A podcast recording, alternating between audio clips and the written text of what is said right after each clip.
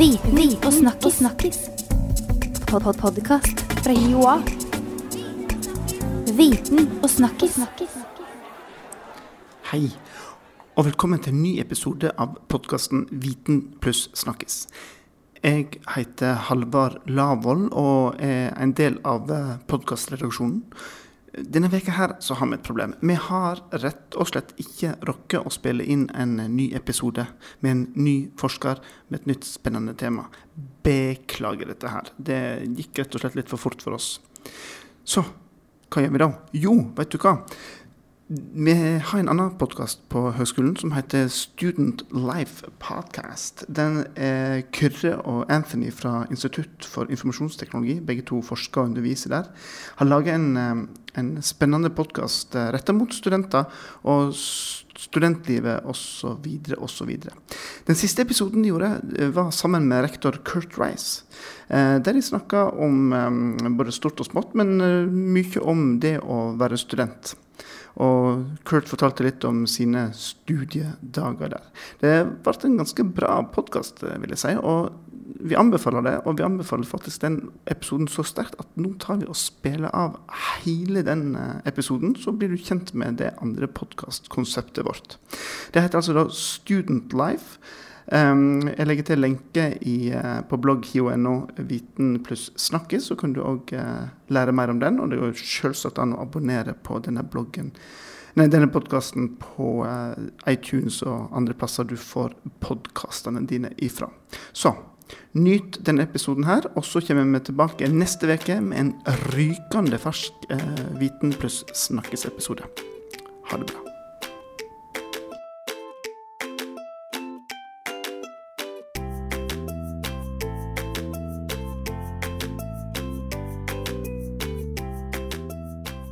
Hello and welcome to the Student Life Podcast. My name is Kyrre Begnum, and with me, as always, is my friend, colleague, and co-host, Mr. Anthony Giannoumis. Anthony, hello. Hi, Kyrre. How are you feeling today? I'm feeling awesome. I am out of my mind excited about today's podcast. Oh yeah. Oh my gosh, this is just, uh, it's kind of a one, once in a lifetime opportunity. Wow. Now the le- the, the re- listener, you see, I'm already out of this. It's okay. It's been a long summer, I understand. You and I both, man. We're a little rusty here. But even though I've been actually excited about this episode, I've been thinking about it all summer, literally. even though I don't want to talk our previous episodes down, No, because we we we did the Herculean task Oh. of breaking down the structure of a thesis mhm. at length. I mean, at length. Absolutely. And in our first season, we did a whole series on presentation techniques, study techniques, Yeah. uh, in class uh, attention uh, techniques, and things like that. I, I feel it for the student now that Game of Thrones is almost finished and they need something else to, to just binge on. Heck, there's the Student Life podcast. Oh, Oh, you can just listen to all the episodes. It's not like a series. No. You can just listen to whatever topic you find interested.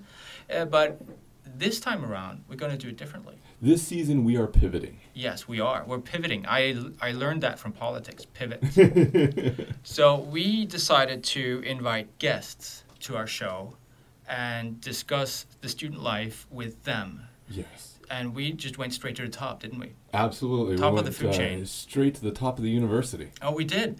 So we reached out to none other than our principal, our rector. And you know what? He said yes. Yeah, the one, the only. Yeah, he said he, he's he's a busy person. Did you know that? I was aware of that. I'm He's sure his person. schedule is uh, is a bit packed. So, without much further ado, uh, we are excited to welcome Mr. Curt Rice to our podcast. Curt, welcome. Thank you so much. It's a it's a treat to be here. Uh, we uh, really appreciate you coming uh, and uh, helping us out making this podcast as good as it can be. Now, Curt, you began your academic career in Minnesota, studying philosophy, right? It's true. It's true. I did begin studying philosophy. I uh, I thought I would uh, think my way to a career. That's awesome. And now you're at the, like Kyrre said, at the top of your food chain. You got over 16,000 Twitter followers, and I think your social media activity is amazing to, to see the impact that you're making on the world, uh, extending the hand of the university and the academy uh, outside of the, our walls. Well, that's one of the things I think is really important to work on here. Uh, this is Norway's third largest institution of higher education, and we should be taking a place that uh, is appropriate for such a big institution. So we have a lot to offer, and we need to be out there actively offering it. Now, the uh, astute listener might have noticed them, I, that I am the most Norwegian person in this room right now. but uh, Curt, you actually have you have a more Norwegian accent than I do. Uh, well, I can do it even more if you'd like. Uh, uh, you, you speak uh, uh, Tromsøish, I think. Tromsøish. Uh, yeah. Uh, It's you, have, true. you, have a, you have a distinct. It's funny to listen to because you, you switch language quite often when you give speeches and so on. You you go back and forth, and uh, one would expect a, a like a, a East Coast Norwegian, but you have a, a quite distinct and pleasant uh, Northern uh, dialect instead. Mm. Well, you know, I've been in Norway since 1991. And I spent the first couple of years in, in Trondheim, but I didn't know very much Norwegian then. And then I moved to Tromsø in 93. And uh, I was really um, invested in trying to learn to speak like my neighbors learn and or like my neighbors speak. And I didn't quite get that far, but I took a few steps in that direction. Are you now treated as a Northerner when you are in Oslo? Mm, that is a super interesting and very difficult question. I was actually concerned that my northern accent might uh, have a negative impact on the hiring process when I applied for this job. And when I say that to my northern friends, they say, well, uh, when you're a foreigner and you speak good Norwegian, it's not going to work against you. But uh, maybe if you were actually a northern Norwegian, then uh, then that might have been more challenging. So uh, I think I'm treated as I'm, t- I'm treated as uh, a foreigner, and in part that's become a, because I come from the states. But uh, you know, while the U.S. is another country, some people think that Tromsø is another planet, and Yeah. uh, there, so I think I'm an outsider in every way. Do people switch to English when they talk to you spontaneously, or do they stick No. to Norwegian? Nobody, I don't think people switch to English spontaneously, but you know how it is. Uh, you sort of speak one language with one person and another language with another Mm, person, yeah. and it's it's kind of hard to break that. My son thinks it's really weird if I ever say anything in Norwegian to him. He just Right. hardly responds to that. Yeah. I, I have an American friend. She wanted to learn Norwegian, so when she came to Norway, she made an effort to speak Norwegian at you know at the 7-Eleven or everywhere, but everyone would just answer her in English. Right. She found over, that yeah. super frustrating because Well, we, we're so damn polite. yeah, right. I did. I did experience that at the beginning of my time in Norway, and Yeah. what I found out is that if you're stubborn enough to stick with Norwegian through about three exchanges, then they then they give up and go back to Norwegian. Uh, speaking of speaking, you uh, recently gave a speech to our uh, newest students. You welcomed our students to our college just a few days ago, in fact, and you. Uh, I don't know if you paid attention to the media, but it looks like you won the principal contest. Is the, spe- right? the speech contest, something, something or the other. It was in the newspaper, and uh, they ranked all the speeches. So that, the, there must have been some informants in there, some Mm. members of the press, Right. uh, and uh, you came out on top. Congratulations! Well, thanks so much. I uh, I take that competition very seriously, and uh, I'm happy that it turned out the way that it did. But what, what kind of things do you tell students when they come here? Right. So it's tempting to just say, "Oh, now this is going to be the most important stage of your life, and you have to do this and do that and do the other thing," and that gets to be a little bit formulaic. So part of but part of those some of those things actually are important to say and and part of the trick is to try to say them with conviction and enthusiasm and Mm. that uh, is easy to do when you're standing in front of 5000 students who are cheering you on um, and then i also try to take up a few sort of uh, things that are rel- relevant at that particular time. So I talked a little bit about the election and the importance of uh, participating in the democratic process and that kind of thing. And I tried to speak to the international students also and give them some advice about how to integrate themselves with Norwegians. How to get along with us? It's a it's a demanding task. But you were once a student yourself, It's true. and if I would if I would ask you a challenging question, did you go to the speech that the principal held at Oh, uh, Augs- Augsburg? College? Was that where you? I read your Wikipedia page, Yeah. and uh, you went to uh, was it University of Augsburg in Well, it's called Augsburg College by the Augsburg local, College. and uh, it's a little, uh, actually, a little Norwegian American school. right Oh. with a German name. Uh, yeah, yeah. Augsburg is a German city. I think it was a kind of Luth- nod to Lutheranism. Oh, right. In fact, it started out as a Lutheran institution. Yeah, there's still a few. I think there's five or six um, institutions in the Midwest that still have a really strong Norwegian American identity. Right. And now that wasn't necessarily what I was looking for. I had a you know I had a girlfriend and she lived a few blocks down the street, and I just chose the college that was closest to her. Sure.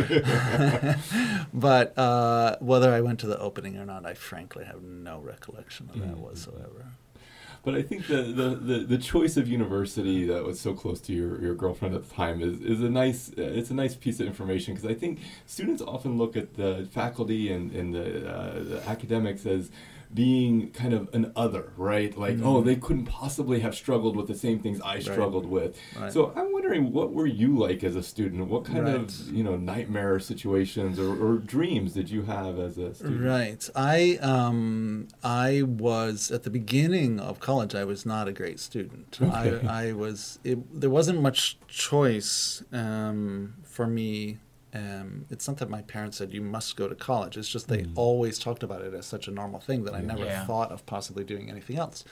So off I went, and uh, you know, you had to have a major, and I didn't really even know what that was, and what was I going to study, and and my dad worked in the business world. Maybe I should study business, and that took me about a week to figure out that that wasn't right for me, and maybe there was a more theoretical variant of that. That would be economics. So I tried that for a couple of weeks, and I thought, my God, I don't care about this stuff.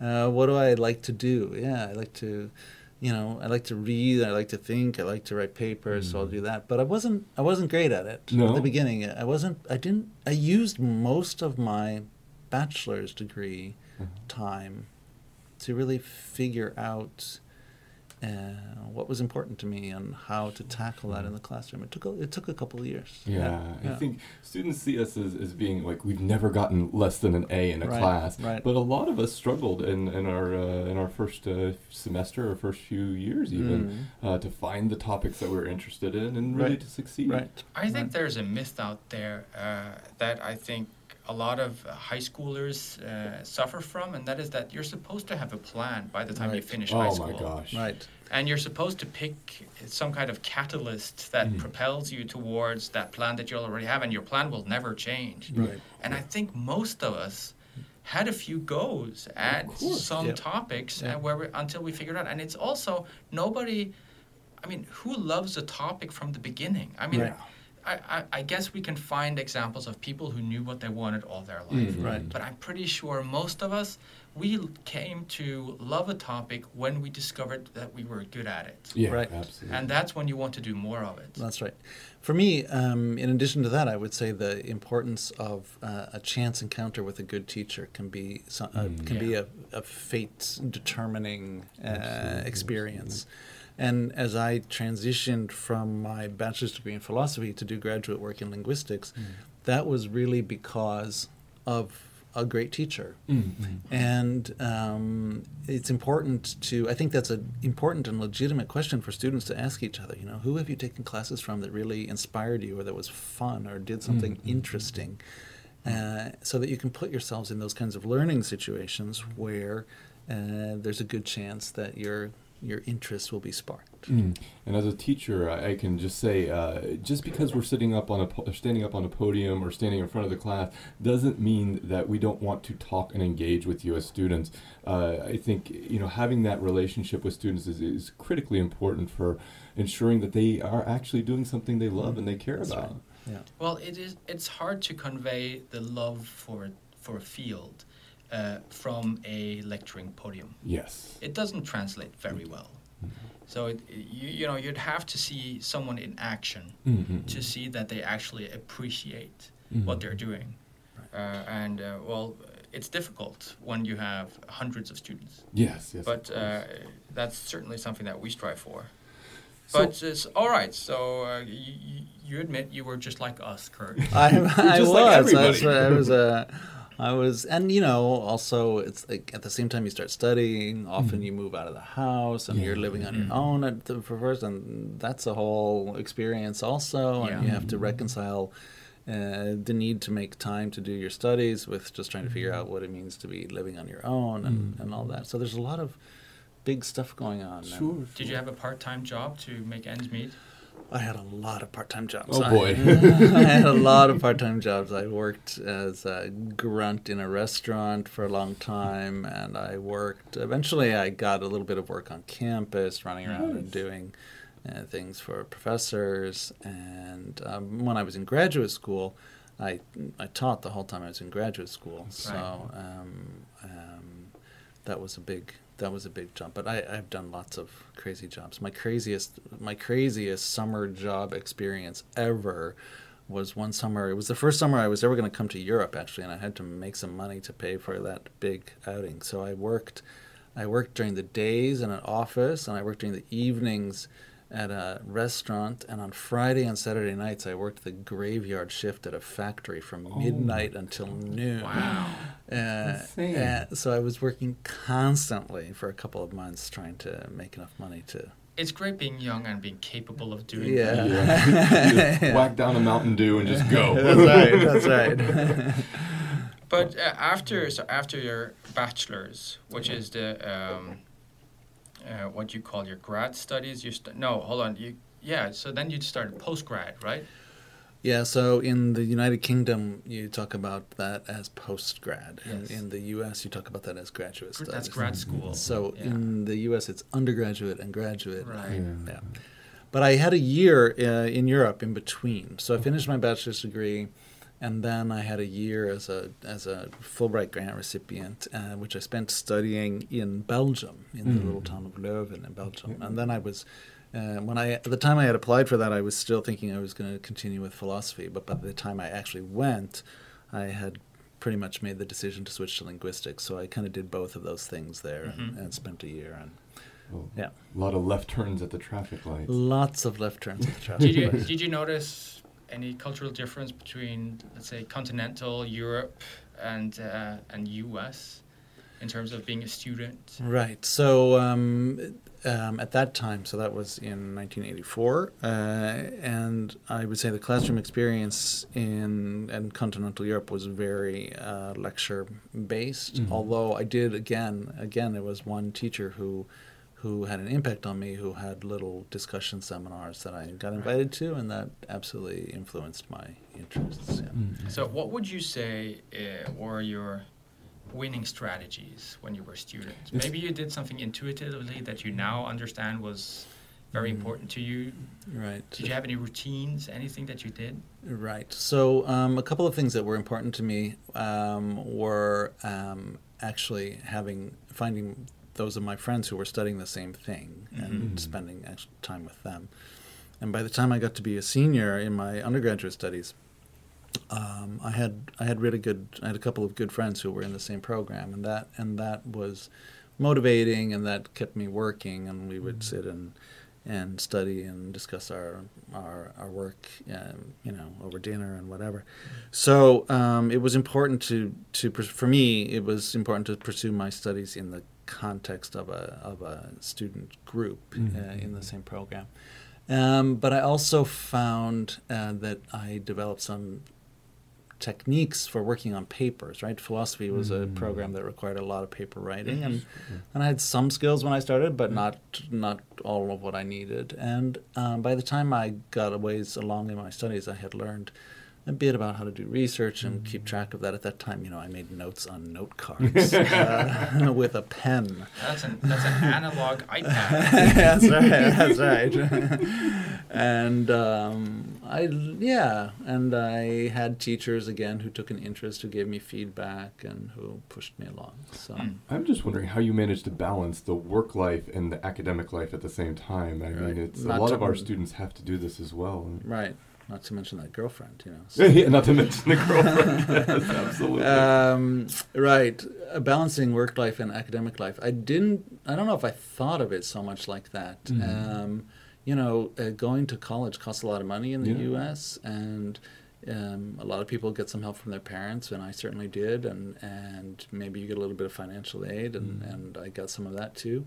Um, but I didn't. I don't know if I thought of these things as so separated. I had Mm. a I had a daily life that included uh, being in class, preparing for class, and working. Okay. And that was that. Yeah, that's what I thought of as normal. I was lucky to have jobs that were close to campus, so I could easily get back and forth. Mhm. But um, that I would take you know three hours and work a shift at a restaurant during the lunch break. Mhm. You know that it was necessary. I had to do it, otherwise I wasn't going to be able to stay in school. So, Yeah, yeah. I think that is the modern student life today. Absolutely. It's quite common to have a job, especially if you go to a school that is in a city Mm. where rent is, is a lot high. higher. Right. And um, the level of um, the level of loans and scholarship you get in Norway is hardly rising.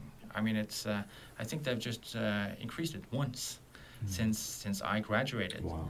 So while while that stays the same, the prices still go up. So it's Mhm. becoming more and more expensive to be a student. Yeah. They did just extend it to be a, an 11 month grant. Oh, Nice. that's Yeah, wonderful. Brilliant. Yeah. I remember the first year I noticed that there is no grant in the summer. Mhm. I'm like, oh, I need to work now. Yeah, right. There, there won't be any money coming in that I have to repay later. Well, I think working uh, is also a good uh, motivation for doing well in your studies because Yeah. you get a you get uh, a hard, cold encounter with what Mhm. life is going to be like if you don't do Yeah. well in your Yeah. studies.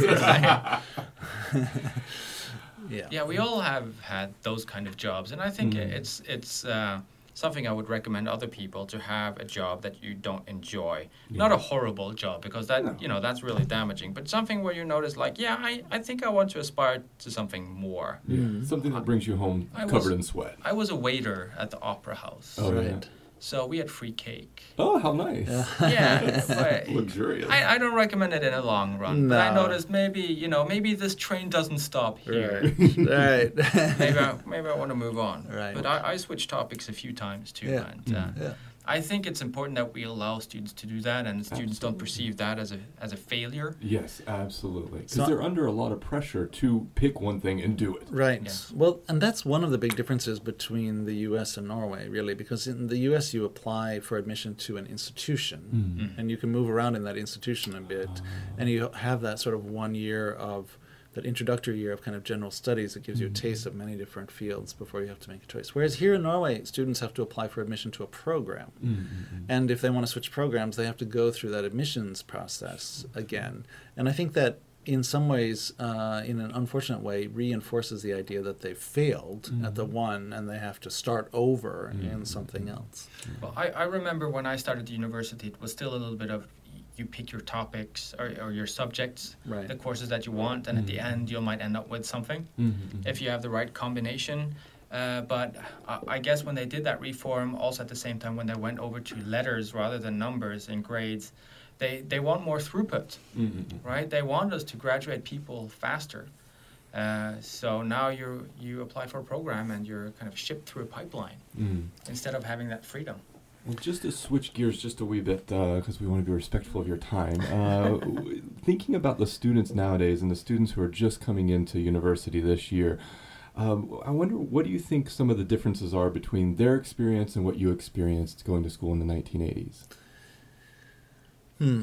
What are the differences between their experiences? Um, I guess that they uh, are maybe they have a heightened awareness of um, how fast things develop. So even a 19-year-old can uh, has experienced many generations of of technology, Yeah. for example, and they see that there's a rapid change in the growth of.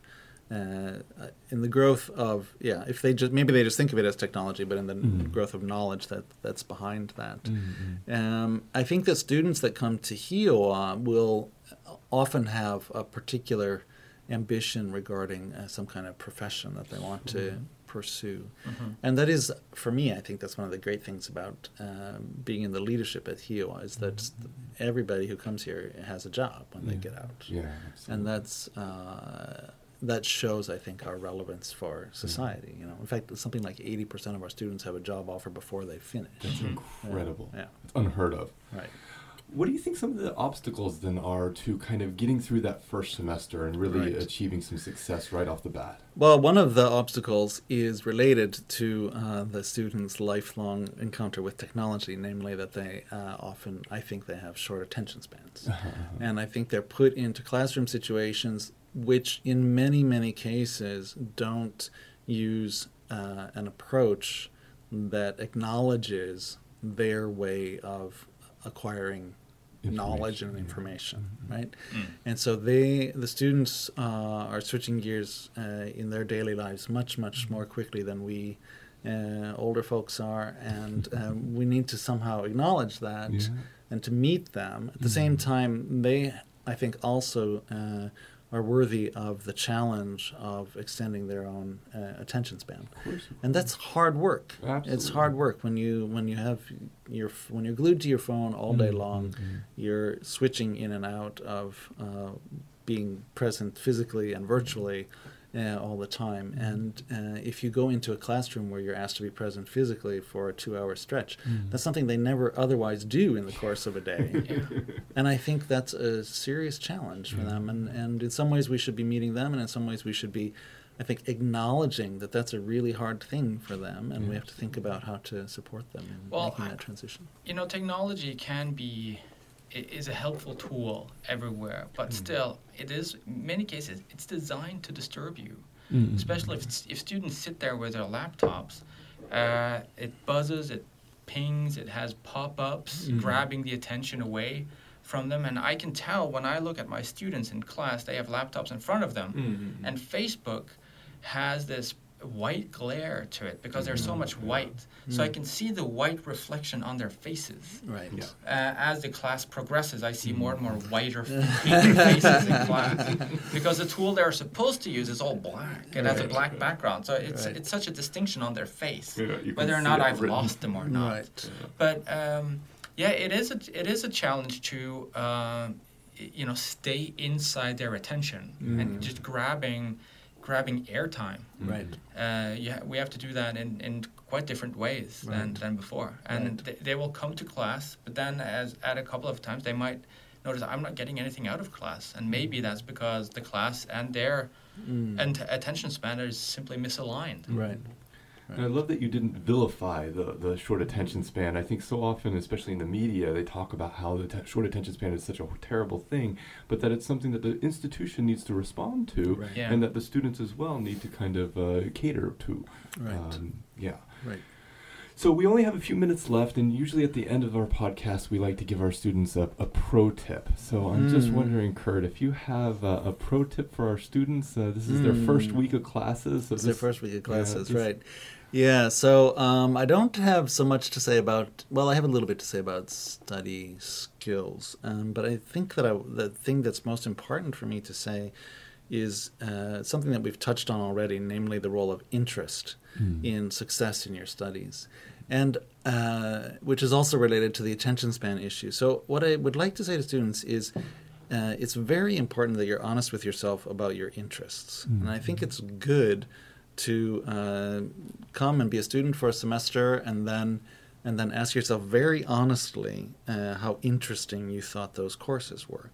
At the same time, I want to inter- emphasize that interest isn't just a passive thing. You can't just sit in a chair and wait to have your interest grabbed. Mm. You have to actively engage yourself, and in fact, you can make choices about what you find interesting. Sometimes a student will say to me that they think something is boring, and I always ask them, What are you doing about that? and I think that we do have a lot of control over whether we find something boring or not. So identify your interests, think about that, and pursue them. Um, and the other thing that I would like to say is that success uh, at the university, as measured in your ability to be prepared to go into working life, is only in part about the, the knowledge that you acquire, about the things that you learn uh, in your classes. It's also about uh, developing good uh, work habits, about uh, developing self discipline, about um, yeah, learning to, to write and to engage with a group and to do your part of uh, group work. So don't uh, don't only think about uh, the f- specific things that you're learning, but also think about the way that you're learning it and try to try to develop those skills. Excellent, excellent.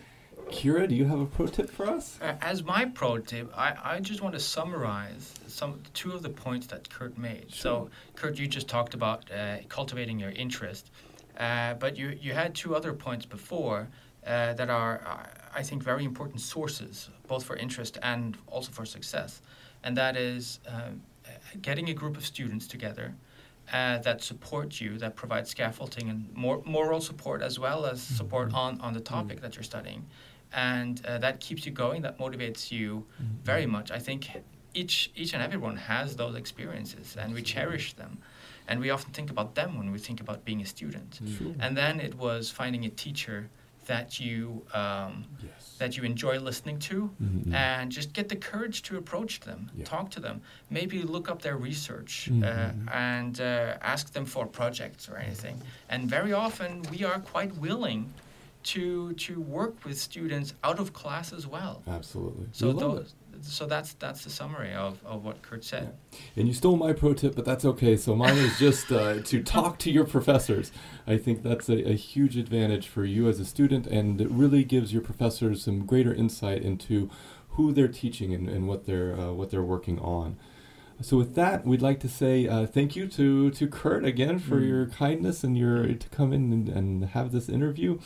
And if you listening have any suggestions for us for uh, interview uh, people, the people that we can interview, students, faculty members, anyone that you have as a favorite mentor or somebody who you just think would be provide an interesting perspective on student life, please do send us an email. We're kicking off a new season here, so we're going to be recording uh, almost every week this semester.